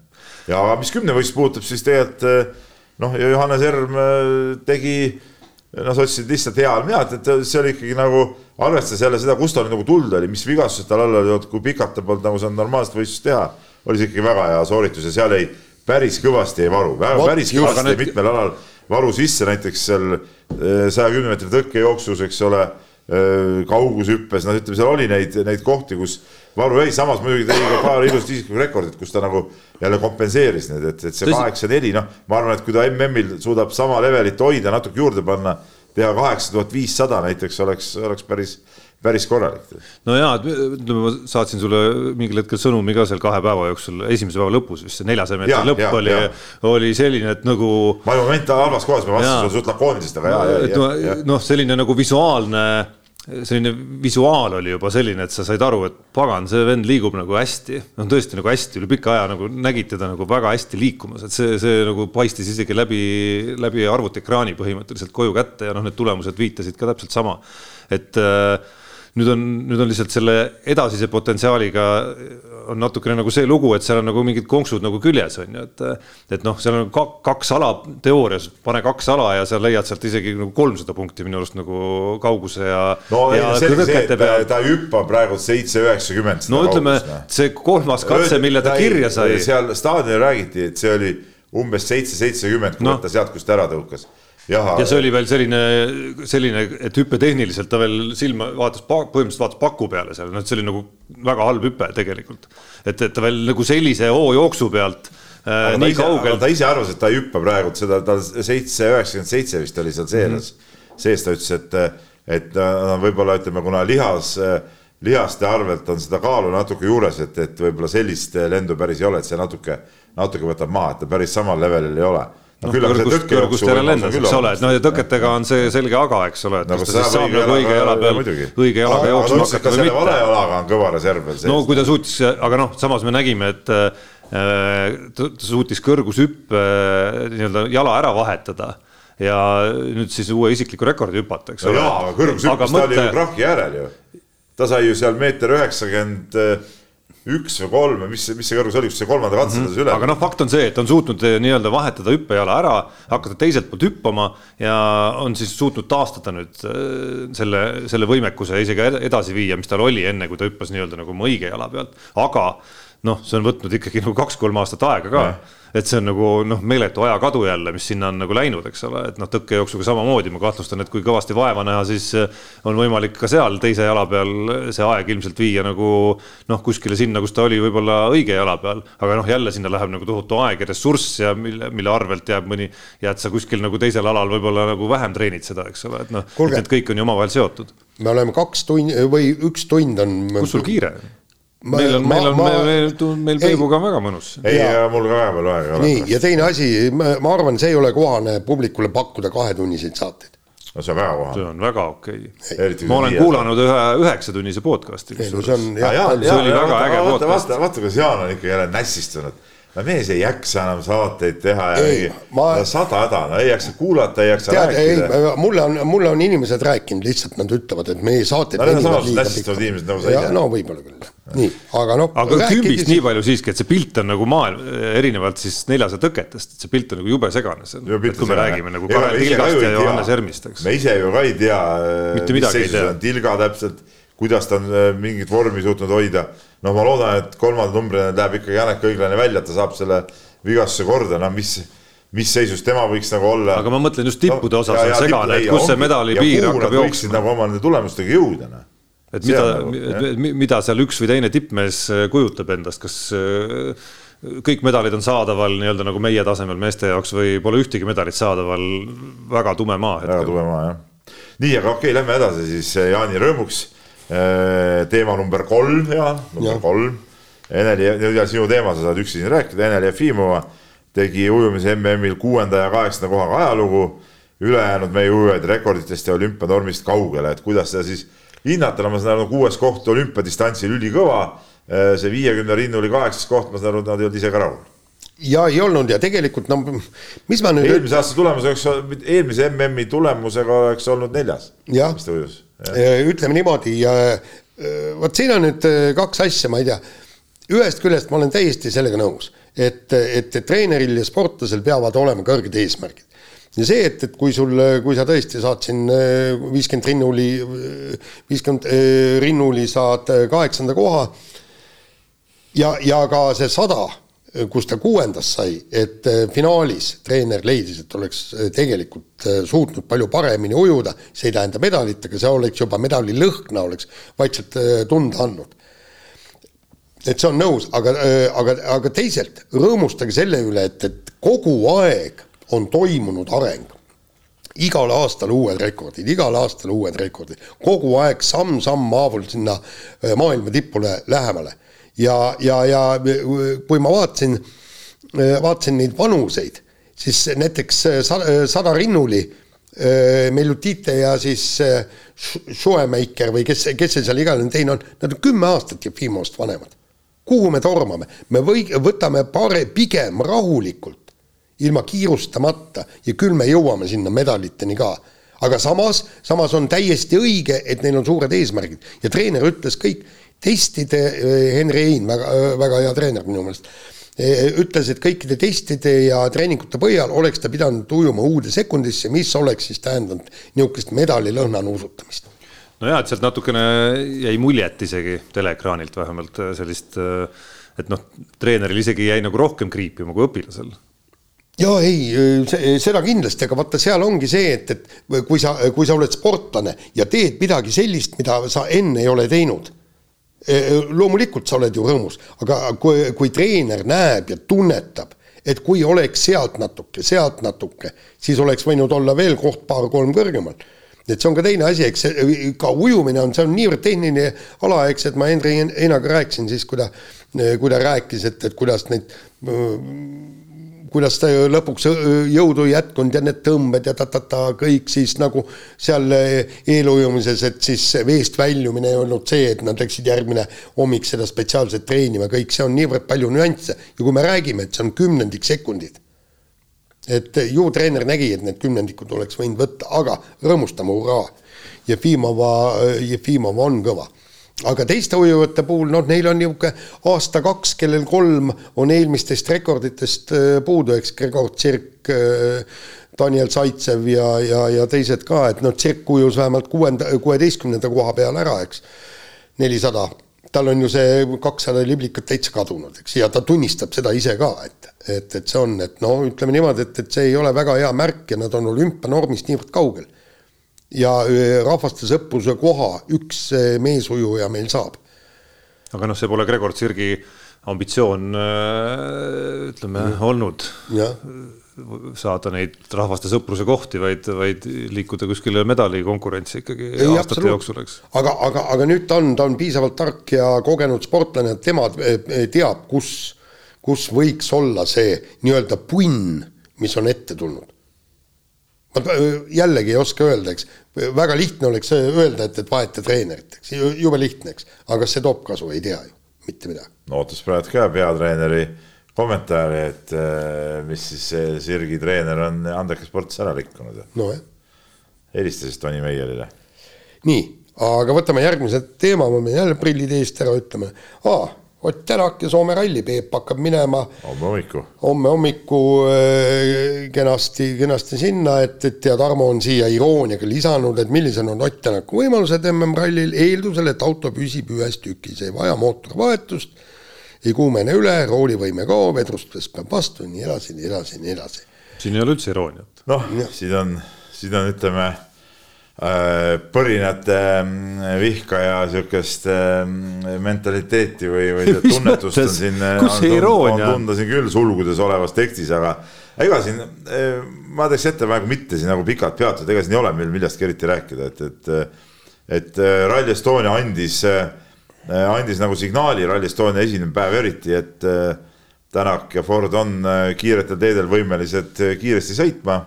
tal on soodne stardipositsioon ja Ott muutus ka märgatavalt optimistlikumaks viimases pressiteates. ja no see, see tuli mulle isegi üllatus, et ta nii optimistlik ja. oli, ütleme võrreldes sellega, mis ta pärast rallit seal rääkis. aga et, et variandid on ja, ja, ja ma arvan, et, et oleks väga ilus, kui Ott suudaks Kalle Roompere Soome ralli esimest võitu veel kord edasi lükata. ei, absoluutselt, see on ikkagi punk. Äh, Roandpere tuleb ja paneb siin rallisid järjepidevalt kinni. aga kõige pungim oleks muidugi see, kui Jari-Mati Latval võidaks seda ralli. ei no tema ei võida muidugi. see on utoopia. või noh, selles mõttes, kui, kui Roandpere ja Tänakuga ikkagi ei juhtu ei, midagi. ei, tal ei lasta võita no,. ei, ei, tema on tiimipealik, noh. ei ole tema tiimipealik, ei sellel võistlusel ei ole. ta ütleb, et kuule, halloo, okei okay,, sa praegu ei lase, aga ma ralli saab läbi ja, ja võtan sul palgast maha. ei, ei noh, aga miks ta ei võiks võita, ta on võitnud Soome ralli kolm korda vähemalt või, mitte rohkem. noh, miks ta ei võita siis? äge vend ka ju noh. kas sa ei oleks selle poolt? ei, oleks absoluutselt no.. aga, aga tegelikult seal on nii-öelda punki on veel ka kõvasti, sellepärast et eh, kuidas Lappi ja öö, omavahel, omavahel sõidavad ja, ja siis Teemu Suninen, mida tema teeb. jah et, et. Suni nagu Lappi ikkagi Soomes on väga kiired, Lapp ja Soome ralli võitnud ju, seda no. ausalt, jah. ja, jah, ei, aga, aga tähendab, ütleme niimoodi, et äge, äge, ägedat tuleb ja seal on äge, ägedat just see. üks on Ott Tänak, üks on Kalle Roandpera esimesed stardikohad, mida ta suudab, muidugi siis need sunninen Lappi, eks, mida Neuvill eh, te, eh, teeb, eks noh, ütleme, siin on vaadake kõike, äge. no valgustage põrinavihkajad ka siis, et äh, kui palju stardikohad äh, Soome rallil siis mõjutavad või ei mõjuta? ei no, no kindlasti ta..., kindlasti mitte nii palju kui näiteks Sardiinias, aga, aga ikka mõjutavad, seal on ikka no, see tee puhastamist on päris kõvasti. ma pakun välja, et niisugune kolmkümmend, nelikümmend sekundit võiks. ei, no ei tea, kas nüüd päris, no jah no kindlasti on Otil võrreldes Roomperaga selge eelis nagu selle. ei no võta see. kuskilt tagant tuleb ei. sinu lemmik Latvale ka veel. ja see tuleb täitsa tagant. kuule, muide stopp, võta, võta see Rally Estonia. esimesel kiiruskatsel, eks, Tänak sõitis ju Kalle Roandperast kiiremini peaaegu kümme sekundit, see oli üheksa koma sekundit, ühe kiiruskatse. see oli pikk katse ka, see oli, see oli kahekümne neljane. jaa, kahekümne nelja kilomeetrine katse, jah. nii. kõll. jälle mina või? pagan küll, miks ma nii rakkes olen? See on selleks, et sind hoida nagu teravana, Jaan, ikkagi. me hoolitseme sellest. kas Eesti spordi tulevik on päästetud, Euroopa noorte olümpiafestivalil võideti kaheksa medalit, kusjuures seitse neist kergejõustikus. ütleme niimoodi, et Äh, aplaus ja roosid, et, et, et noored sportlased said niisugused äh, ägedad emotsioonid, üks hõbe võit, äh, võideti siis judos naiste. ülejäänud kõik kõrgejõustik jah. ülejäänud kõrgejõustik ja, ja, ja kui vaadata, kui õnnelikud, rõõmsad need sportlased ise olid ja ma kujutan ette, millise nii-öelda innustuse ja energia see medali võitmine andis ja, ja ausalt öeldes, ega see ei ole niisama tiluliluvõistlus, kui me vaatame, kes on neid äh, olümpiafestivale äh, ka veel äh, võitnud, sealt tuleb terve joru tulevasi tiitlimedali omanikke. noh, eks te, eks teine koht, mille järgi seda hinnata, on siis need reaalsed tulemused, et mida nad oma ea kohta siis saavutavad või mitte. Miia Ott kasvõi näiteks no, siis sprindis, eks ole. aga selge see, et, et sa, kui sa omaealist sellise tiitlivõistlusel oled, oled medalil, siis tegelikult see tulemus peab olema okei okay see on nagu selge, et sa, sa ei saa seal mingisuguse, ma ei tea, saja meetri jooksus kolmeteist sekundiga sa seda, seda medalit ei võida, eks ole, sa pead ikkagi olema seal no ütleme Eesti mõistes juba tipus. No, tema ja. on nagu Eesti mõistes ikkagi, ikkagi seal tippsprinterite hulgas, ütleme seal ülejäänud medalivõitjad on siuksed, kes nagu noh, võib-olla täiskasvanute konkurentsis veel nii, nii kõval level ei ole, aga näiteks äh, tema on küll seal no ta oleks olnud Estikate seal, oleks sealsamas fotofinišis võib-olla kaasas olnud isegi. kaasas olnud ja, ja tema oli ju ka selles teate naiskonnas, kes neljakord sajas selle rekordi jooksis, eks ole. nii on. nii on äh,, nii on asjad ka Eesti jalgpallis, kus äh,, kus äh, nagu me ajaloost teame, on võimalik äh, asju, mis on võimalikud ainult siin ja, ja see sari on saanud siis värskelt, väga värskelt ühe täiendava peatüki nendest imeasjadest, mis ainult Eesti jalgpallis on võimalik rääkisime eelmises saates Nõmme Kalju toonasest jalgpallurist Aleksandr Volkovist, kes eh, noh, nii-öelda vabal ajal siis käis vaatamas eh, koduliiga, koduliiga mängu ja, ja harrastas seal siis jah, tegeles oma teise hobiga ehk eh, vabavõitlusega, kakles seal tribüünil Narva Transi fännidega. ja nüüd, kui läks siis kodune üleminekute aken eile vist lukku koduses jalgpallis siis äh, Nõmme kaljust sule sappa saanud Volkov äh, leidis endale uue klubi ja see ei ole keegi muu kui Narva Trans. ei no aga minu meelest okay. Transi väga... fännidelt briljantselt nagu noh, briljantne nagu operatsioon ikkagi, et sa kõigepealt nagu selleks, et saada see mees kaljust kätte, tekitad sihuke väikse provokatsiooni. pidi olema ikka okei okay mängija ka. ja, ja noh, ega seal ju, kui sa seda videot vaatasid ja. seal, ega seal pihta ei saanud keegi. ei seal midagi. see oli mingi varjuboks põhimõtteliselt. tavaline sihuke rüse. ehk siis ütleme. korraldati selline väike nagu arranžeeriti väike nagu show seal on ju, see oli piisav põhjus, et Nõmme Kaljult, Kalju selle mehega nagu hüvasti jätaks ja naksti ongi mees olemas. ja, ja, ja see võis olla ka äkki kokkulepe kõikide mängijate, Narva Transi juhtkonna ja Narva Transi fännide, teeme niisuguse etenduse, et Nõmme Kalju ei oleks ju muidu teda minema lasknud. oleks raha küsinud näiteks. ja oleks raha küsinud. teine variant on muidugi see, et, et ütleme, kui, kui see ei olnud sihuke kokkulepe, see võis olla ka Nõmme Kalju kättemaks, et nad lihtsalt äh, nagu nüüd, vaata transferis aken oli, onju, lõppes ära ja nüüd viimasel hetkel siis ütleme saatsid ta lihtsalt sinna Transi. Noh. no nad ei saanud saata, nemad said mehega hüvasti jätta, aga Trans noppis ta üles. ei, niimoodi oli või no,? mina tean, ma kuulasin eile veel just seda Soccerneti äh, podcast'i, käisin eile jalgrattasõidul, siis seal nad veel rääkisid sellest, et leping on nagu peatatud, et, äh, et noh, see ei ole nagu lõppenud veel siis nagu leping ju tegelikult. tont. Nad arvasid muidugi, et võtate tagasi seal kuulsin, mis mehed seal räägivad. siis vist, ma arvan, et kui nad saadet tegid, ei olnud see uudis veel. see ei olnud avalik veel, et õhtu, õhtul hakkas neid õhtul hakkas neid uudiseid tulema sealt. Äh, Kalju tõi seal mingi vana või vana talendi, noore talendi tagasi Eestisse ja Flora saatis kaks ründajat minema ja nii edasi või noh, minema Kuressaarde ja. see oli teada, sellest seal kõik lahati need teemad läbi, aga seda ei olnud teada. nii, aga lähme jalgpalliga edasi ja Äripäev siis avaldas äh, siukse no natuke murettekitava artikli, kus tuli välja, et Levadia jalgpalliklubi ähvardab hämarate rahaasjade tõttu pankrot äh, tegemist siis eh, Viktor Levada, Levadia omaniku eh, ütleme osalusega mingite kunagiste eh, tehingute ja rahade liigutamiste ja noh, ütleme päris, päris hämar tundus see asi muidugi. no päris peen skeem oli jah, mismoodi see jah. on jõudnud otsaga tagasi nüüd ikkagi, et, et korraks oli endalgi vaja sealt nagu läbi närida, et, et noorreporterile seal noh, natukene ära seletada see skeem, eks ole, kus siis kunagi nii-öelda pankrotti triivinud ettevõtte haru Leedus nii-öelda nagu tehti uueks tekkis uus keha ja siis tekkis uus partner sinna, kes nüüd omakorda mingite muude äridega on hädas, võlausaldajad nõuavad temalt raha ja siis on nüüd leidnud selle noh, ma ei saa öelda nõks selles mõttes, et see võimalik, et, et see nagu lõpuks ei päde kohtus ja, ja kogu selles menetluses, aga noh, vähemalt selline nagu taotlus on tehtud, et siis nõuavad siis tagasi või üritavad näppe taha saada siis selle nii-öelda Levada partneri rahadele, mis on siis selle toonase mahhinatsiooni tulemusena kantud Levadia jalgpalliklubisse, eks ole, sealt Leedu sellest uue, uuest kehast nii-öelda siis. aga Viktor Levada, ütleme tõsise mehena ütles otse ära et tema äh, maffia väljapressimisele ei allu. no see seltskond, kes seal sellelt Levada äripartnerilt või advokaadilt seda raha nõuab, oli muidugi päris, äh, päris karm seltskond. päris muljetavaldav nojah, nagu igas mõttes ütleme. päris mitmes A mõttes muljetavaldav. aga ma arvan, et Levadal endal on ka muljetavaldavaid äh, tegelasi, ütleme, vastu panna üldse ei kahtle selles. ja no loodame. aga loodame, et kõik läheb hästi, et Levadia ei kao kuhugi ja ja, ja mina on, olen Viktor Levada poolt. absoluutselt. nii, võtame järgmise äh, teema ja nüüd lähme korvpallist rääkima ja väike kanalkitk on äh, toimunud. Jukka Toiala ehk siis e-, Eesti koondise peatreener äh, teatas, et Märt Rosenthal ei vasta koondise kõnedele ja, ja Rosenthal ütles, et temal on nagu asjast hoopis teine nägemus, et et, et kummal siis õigus on, et mul on meeles väga väga raske seda ütelda, kummal õigus on, noh. et äh, mul jäi natuke arusaamatuks see, et, et miks Rosenthal siis või noh, keegi ei küsinud ka Rannula käest, et kas siis äh,, ma ei näinud seda niisugust kohta.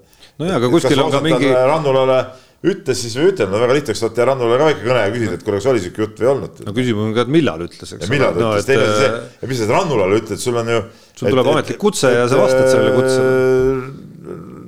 Raido Roos on, on meil koondise mänedžer, kes kutsetega tegeleb ja siis sa talle ütled või ütled peatreener, see, et sa ühele abitreenerile seda kuskil võib-olla poole niimoodi äh, jutu pealt ütled, siis see nagu päris hästi ei päde. ei no üldiselt ja. Äh, käib asi niimoodi, et sulle tuleb kutse, noh, ma, ma ei tea, kas see tuleb, ma eeldan, et meili teel võib-olla. kutse tuleb meili teel, jah. ja siis äh, seal on niisugune, seal on niisugune koht, kui meil tuleb, siis on võimalik siin vajutada siia niimoodi, siin on reply nupp on ja siis vastad sinna lihtsalt. nii, kahjuks ma olen vigastatud, ei saa tulla, näiteks siis kui veel. aga mõnikord. ja kui sa vastand ei ole, siis sulle helistatakse, näiteks koondise mänedžer Roos helistab ja siis, kui see kõne tuleb, siis siin on niisugune nupp, reply ja võtad vastu. ja, aga mõni tegevus võib olla natuke keeruline. no ongi, ma saan aru. et noh, sihuke segane värk. aga selle saatuse lõpetuseks äh, tuleme veel kergejõustiku juurde ka tagasi.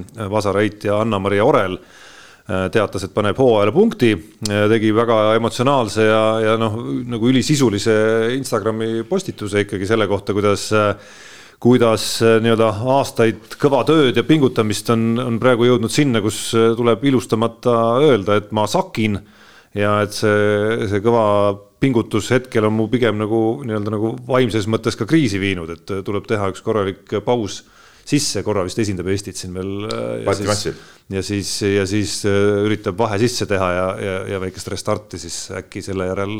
ja see on muidugi huvitav, Orel noore tüdrukuna ja ma mäletan, see oli Londoni MM-il ta ju, ju heitis päris, päris tublisti ja rekord ka kuuskümmend üheksa meetrit seal kopikatega ja no ei, ei saa sinna lähedale enam, et, et Londoni mm oli teadupärast kaks tuhat seitseteist, kui ma ei eksi, eks ole, et, et nüüd on läinud juba kuus aastat, kuus aastat sellest mööda ja, ja tegelikult ei ole, ei ole midagi, midagi tulnud, et raske hinnata siit, ta, ta on muidugi, ta on hästi palju nagu minu arust kõrvalt vaadates hästi palju nagu tõmmelnud ka mingi üks treener, teine treener, üks grupp, teine grupp, mingi sinna-tänna ja, ja, ja igat, igatepidi, et et eh, võib-olla ta vajaks, võib-olla, see on niisugune täitsa nüüd udujutt kõrvalt, võib-olla vajaks mingit stabiilsemat eh, varianti ja võtta, peaks võtma endale lihtsalt nagu aega, et, et, eh, et ei pane näiteks järgmiseks hooajaks mingeid, mingeid suuri eesmärke, kui ta tahab Vasarat heita, et lihtsalt ta nagu heidab, teeb tööd, kinnistab mingit tehnikat, noh, võistleb nii palju, kui võistleb ja siis vaadata, mis nagu välja tuleb, et, et võib-olla kuidagi nagu, nagu rahulikumaks seda, seda asja lasta, et noh, muud, muud soovitust ei oska väga anda. siin noh, ma arvan, et see on pädev kokkuvõte asjast, minul ei ole küll siin midagi li lisada. siis tuleb lasta kõlli. Unibetis saab tasuta vaadata aastas enam kui viiekümne tuhande mängu otseülekannet. seda isegi mobiilis ja tahvelarvutis. Unibet, mängijatelt mängijatele uus probleem, Jaan, saade saab liiga lühike. ei, nägid, Jaan, kui kibedalt, käbedalt käis eh, kiire vahemäng. aga sa siin no, nurised kogu aeg. ma arvan, et sinu nässistunud äh, fännid on ka rahul, et me nii kiirelt seda tegime. no võib-olla küll. nii, aga kuidas oled sina, Peep, rahul oma viimase tunni või kahe lauatennise panuste no, kuluga? ütleme nii, et täna ei saa rahul olla, vedas alt. Vedas alt. kes vedas, kes oli see kuri nahk oota, kohe ütlen, kohe ütlen, nii, näed ja tundus, et oli nagu kindel, kindel värk. bänker tundus. tundus ja siis on niimoodi, mängisid siis siuksed mehed nagu Zdenek Kasinski. ikka see Tšehhoslovakkia liiga. ikka ja Rostislav Hasmanda, nii. ja ma panin äh, Kasinski peale Äh, ja, ja tundus, et, et nagu tal oli edu sees ka ja panin kümme eurot ja Koef oli ka päris hea, üks koma seitsekümmend seitse. vaatasin, saab nagu tagasi tänase lõunasöögi raha kätte, aga paganas üks-kolm kaotas. ütleme nii. täna jääd nälga ühesõnaga. täna lõunale ei saa minna, noh, paha lugu noh. aga ja, korraks siin mul näpud sügelesid nagu, et, et, et teeks nagu tagasi, aga, aga siis nagu tark. tarkus, ütleme, oli otsus, et ei, täna me rohkem panuseid ei pane, nii et, nii et täna siis nii ja praegult on meil kontol kolmsada üksteist, seitsekümmend kuus. Ma panin lihtsalt puhtalt panuse sellepärast, et midagi panna ja panin Verstappeni peale, kes startis viiendana. mängid nii igavaid mänge. ei, ei, ma, ma, ma mängisingi, tähendab, saad aru. see on kohusetunne on selle nimi, tubli Jaan, ma kiidan. aga mis mind ei kiitnud? sa oled pool aastat siin seanahk, sa oled pool aastat. pikalt mängid Tšehhi liigat. sa oled pool aastat vedanud seanahka. Ei kiida sind. enne kuni sa ei ole aasta lõpuni nüüd eh, ühtegi nädalat vahele jätmata korralikult panustanud, enne ei kiida. aga, aga Tšehhi liiga. nii lihtsalt sa ei saa. ma jälgin seda aga, aga, aga seal oli tõesti mitte midagi, noh, tähendab nädala lõpp, pühapäev, eks midagi polnud panna, vaatasin seal mingi naiste jalgpalli mm, mitte muhvigi sellest ei tea, isegi umbkaudu midagi, eks. no Peepus ei sega lauatennise juures. kusjuures seal oli ju tegelikult oli, soomlastel oli vihje, mängisid Saksamaa ja Kolumbia ja vaata, neil on see ka Silda lehti, Silda sanomused Veikos vihjed mm, -hmm. vihjed ja, ja seal, seal oligi, et, et Saksa on soosik, aga nad pole piisavalt hästi mänginud, pange Kolumbia peale. ja sealt oleks muidugi mõnusa, mõnusa, vist Kolumbia kaks-null võitis isegi vist või kaks-üks, ma, ei mäleta. aga, aga, aga see oleks mõnusa papi sisse toonud. no erinevalt äh, sinust ma nägin, ma kasutasin ka siukseid äh, nagu vihjeid, seda küll ESPN-ist ja teie meilisalalt äh, nädalavahetuse suurelt UFC ürituselt muidugi need. meie Meelisala. ja, ja muidugi need ekspertide ennustused läksid kõik puusse, nii et äh, mul üks kolmikpanus, millest üks matš jäi vist ära, seal üks mees ei saanud kaalu võetud ja siis kaks matši läksid täiesti vastupidi, kui kui nad pidid, üks neist kusjuures no kohtunike väga kahtlane otsus, nii et, nii et miinusring tuli ka mul. No palju sul on raha? kolmsada üheksakümmend. no mul on ka mingi kolmsada kahekümne alla vist, midagi niisugust ja eripanus on töös, see puudutab Soome rallit ja puudutab äh, Ott Tänaku äh, võitlust Kalle Rovanperaga ja seda, et Tänak jääb peale. kolm koma null on see koefitsient siis tava, tavaolukorras, aga mehe teinud eripanusena saab see natukene tummisema. kirjad nii, kirjad ja kirju on siin meil jälle omajagu nagu. saate ajalgi postkast tutub siin. aa, saate ajal ma pole ja, ja, no jälgi, jälgi. ei no mida ma siin jälgin, mul on nii palju ees, nagunii me ei jõua neid nagu siin kõiki ette võtta. no siin okay. tuli küsimus äh, sellesama Jaani, äh, miks ta ei osanud käimise Eesti meistrivõistlustel näiteks ma ei tea, mul kiir, kiir. ma ei ole normi, ma ei ole teinud. kümme nelikümmend üheksa, ma võin sulle tutvustada emaili kasutamist ka, nii nagu Märt Rosenthalile mm, -hmm. tasuta aa, no see mul on olemas juba, see. et kus oli ja kiirkäija Jaan näiteks? Pole normi täitnud. et Eestikatel pääseda. potentsiaal oleks ju olemas. aga sa risikaid ja puravikke said siis või? puravikke sain, risikaid mitte. no väga halb, väga halb, nii, aga lähme siin, Ardo Sand küsib aga ma ei tea, kas, mis, me käisime discgolfi mängimas. jaa, me käisime discgolfi mängimas ja väga põnev. lihtne küsimus, kes võitis ja kuidas oma mänguga rahule jäite lauluväljakul? no mina võitsin. ja kuskohast näeb kokku, et oot-oot-oot-oot. aga millal see üldse ilmub, kuule? Äh, see peaks ilmuma kas täna või homme jah, et postitan kindlasti selle meie mehed ei nuta Facebooki lehele. mina käisin lihtsalt nagu keha tegemas. ta ilmub Delfi spordis loomulikult, kus siis mujal. ah soo ma mõtlesin seda meie saate sellele. ühesõnaga video, ilmub äh, videolugu sellest, kuidas me käisime siis. saad ikka meie saate, ütleme giidi alt läheb. no kuidas öelda, pealkirjas on Mehed ei nuta kindlasti loomulikult ära mainitud. ilma Jaanita, no tead, kui nüüd tõde, tõde muidugi see, et Tarmo ei võitnud noh. ei no sõltub nagu statistika, nagu sa Peep tead, on selline asi, millega saab tõestada kõike, eks ole. et kui võtta selline nagu tagantjärele välja mõeldud nagu selline nagu noh, skeem, et nagu Peebu eesmärk oli igal rajal ikkagi mind vähemalt ühe viskega edestada, siis kokkuvõttes. see läks äh, nagu. siis kokku, tähendab rohkem kui ühe viskega, et siis noh, kokkuvõttes jäi sul üks vise nagu puudu ikkagi. sellist, nagu, kusjuures selle eesmärgi sa sõnastasid nagu praegu nagu ise aga, aga nagu tõsiselt rääkides, siis äh, jah, äh, ei olnud väga lihtne nagu esimese hooga lendama saada seda, õigemini, et saada. ühe korra ma võin ütelda ühe korra sai Tarmo lendama küll. aga vales suunas. seal, kus seda ei olnud üldse tarvis et mis ma tagantjärele, tagantjärele, mis ma mõtlesin, et no mis mu lollus oli, oli, ma esimest korda üldse siis puutusingi discgolfiga kokku. oligi see lollus, et, et ma läksin nagu noh, oskamata veel seda nagu suunda nii-öelda valida, noh siis oli vaja ikkagi nagu viskama minna nii nagu, nagu visatakse, eks ole, noh et ikkagi nagu maksimumi jõu ja kõigega, eks ole, ja no siis need kettad lendasid niimoodi, et ma ei tea, palju trahvi, nii-öelda trahviviskeid sinna skoorikaardile nagu läks lõpuks, sest rajal oli, rajal oli nagu raske püsida ikkagi. ja, jah, aga seesama vise, kus, kus sa tegid nagu mingisuguse äh, vale pika viske, mina viskasin otse korvi alla avaviskega, parem vise kui kui härra Vilmanil, kes on äh, teadupärast Eesti üks kõvemaid käppasid siin. aga selles mõttes oli, selles mõttes oli tore, et ma arvan, et, äh, et see sai seemneks küll, et esimest korda Aha. ikkagi nagu me kokku leppisime, Peep, äh, lauluväljakul teeme ringi ära ikkagi varsti no eks sa tea, ma mängin vasaku käega, võib-olla siis on nagu võrdsem. ja nagu lauatennises oli ju, et, et kui sa olid ikka üle, siis oligi, tähendab, seal oli mitu, mitu võimalust, eks, et et äh, vastavalt. võis mängida. ei, ei, seal oli me, meil oli niimoodi vastavalt tasemele, et mäng oleks põnevam, oli see, et, et parem äh, järgmine veidike nõrgem vastane siis parema käe ja pliiatsvõttega, siis vasaku käega ja vasaku käe ja pliiatsvõttega oli, oli siis see. pliiats võtta. pliiats võtta on see, et, et see on.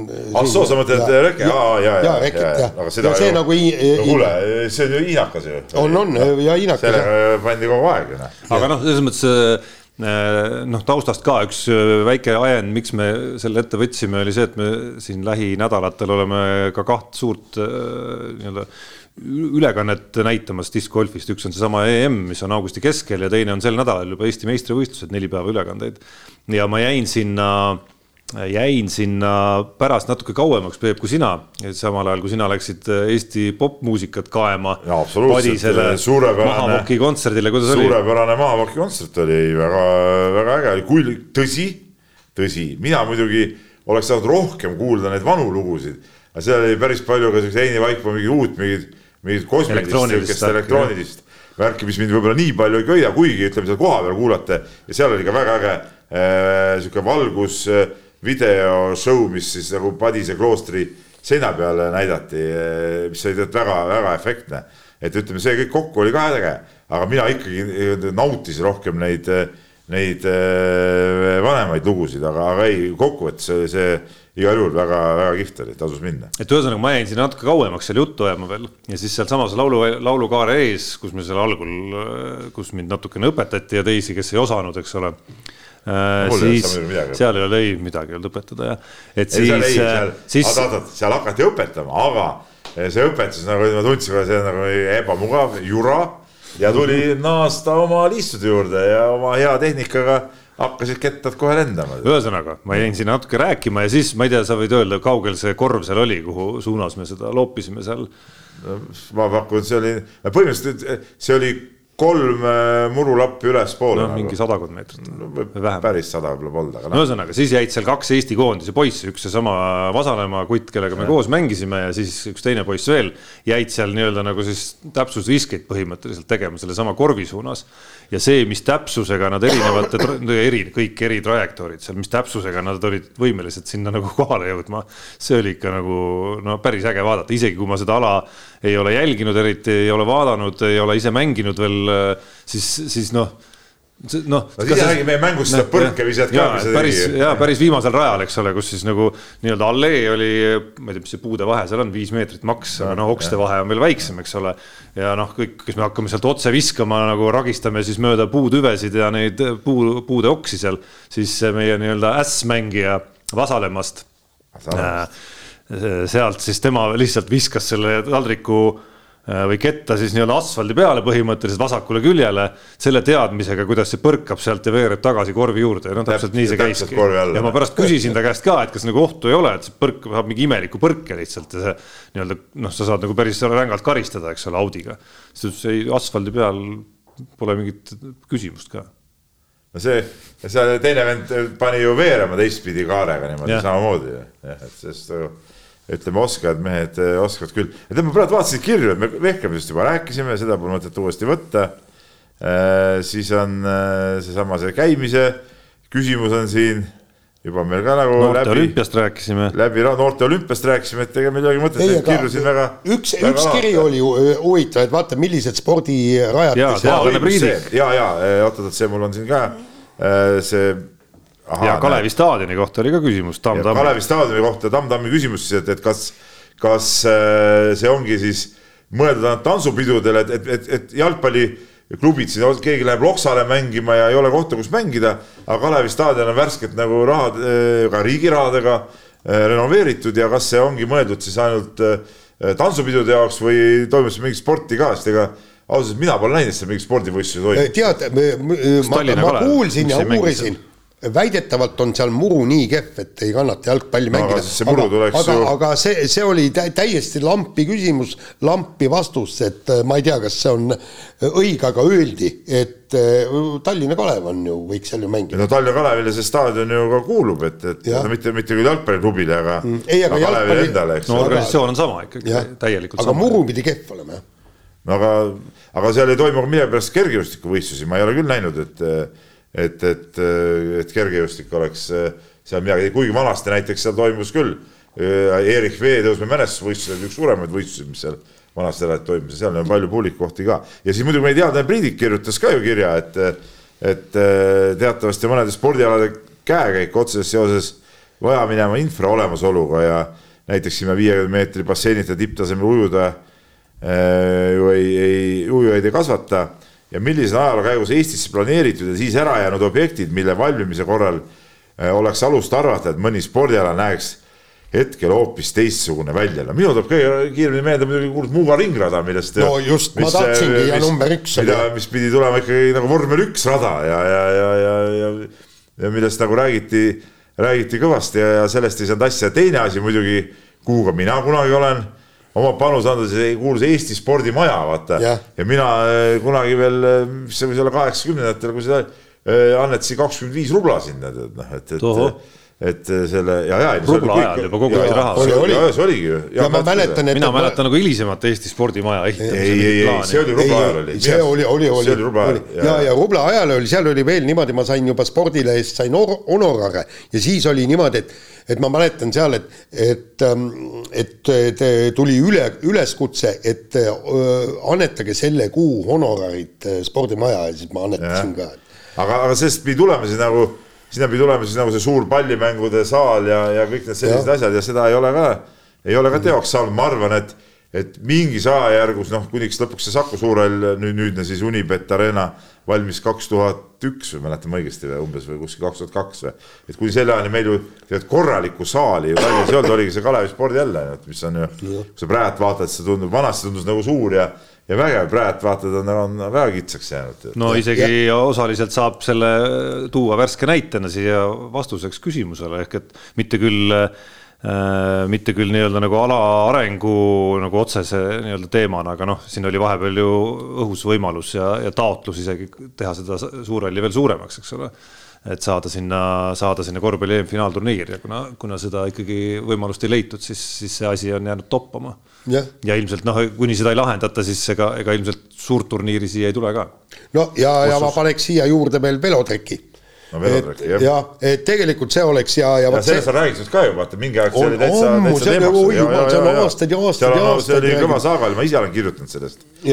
kus see, kus see pidi tulema ja pidi tehtama ja kõik ja, ja, ja ei ole ja seda ala ju praktiliselt ju ei olegi olemas enam no.. enam ei ole ja tegelikult vaata, ma, ma siin jalgpalli, jalgrattaringkonnad on rääkinud, et velotrekk on punkt üks, et väga hea nagu noortele kõikidele, see on harjutamine asi, teine asi. Ja öeldi, et teine asi on see, et, et paljud vanemad, kelle lapsed tahaksid ratast sõita, ei luba öö, lapsi maanteele, sellepärast see on ohtlik. ja, ja aga kui oleks trekk, siis sinna palun, sõitke. Ja meil on trekisport, meil on ju kahekordne olümpiavõitja Erik Salumäe aga treki. ei no omal ajal ju tegid ju Oleg Ljadovid ja vennad tegid ju liidukatel ja, ja, ja, no, ja, ja tegid ikka kõva, kõvasid tegusid, eks ole. jah, et, et, et siukseid neid objekte ikkagi on. no üks äh, jutt ei käi ühest objektist, aga mulle siin scroll ides taustaks alaliite läbi, et, et alad kuidagi libi, ei libiseks silma eest äh, niimoodi või no käiks silma eest kõik läbi, siis äh, no Priit Vilba tahtis ju kakskümmend jäähalli ehitada Eestisse, et. Äh, viisteist tahtis. ei, ma isegi leidsin no, guugeldades üles, et, et, et ta... jutt käis kahekümnest. vahepeal oli optimism suurem. Noh. jah, et noh, et, et, et selge, et nendel aladel, noh, jäähoki näiteks siis selge, et see hallide jääpuudus on üks asi, mis nagu ala arengut no, no nagu väga selgelt takistab. tõsi, eks siin nagu noh, eks siin nagu tore on ironiseerida ja ilkuda natukene, aga noh, ega, ega see ei, ei olnudki ju mõeldud niimoodi, et Priit Vilba ise hakkab neid asju nagu ehitama, eks ole, et kes siis? et noh, lõppkokkuvõttes peavad no,. tema on ju ehitusinsener. peavad ju, peavad ju. no ei tea. ja et noh, on neid omavalitsusi näiteks, kes on suutnud midagi nagu ehitada. algul võib-olla ilma katuseta, lõpuks on saanud katus ja seinad ka veel ümber, eks ole, et.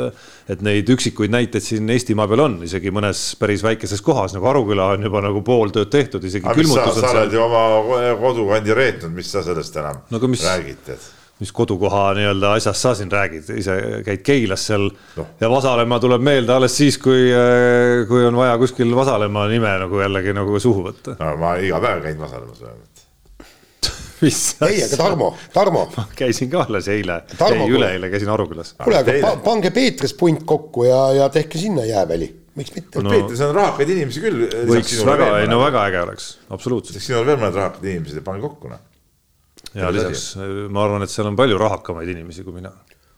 noh, sinu võimaluste juures. no ei tea, see on päris kallis projekt ikka. nii, aga. aga, aga, aga minu ootuse me Rae vallale ma sõnastaksin siin küll nii Jürisse, Peetrisse kui Lagedile, palun, kolm tükki. Uuesalu ka neli. Järveküla viis. Mõiku sinna teisele poole veel, no hakkab tulema. jah nii, aga nii, aga paneme selle saate nüüd lukku ja kuulake mind nädala pärast. mehed ei nuta. saate tõi sinuni Unibet, mängijatelt mängijatele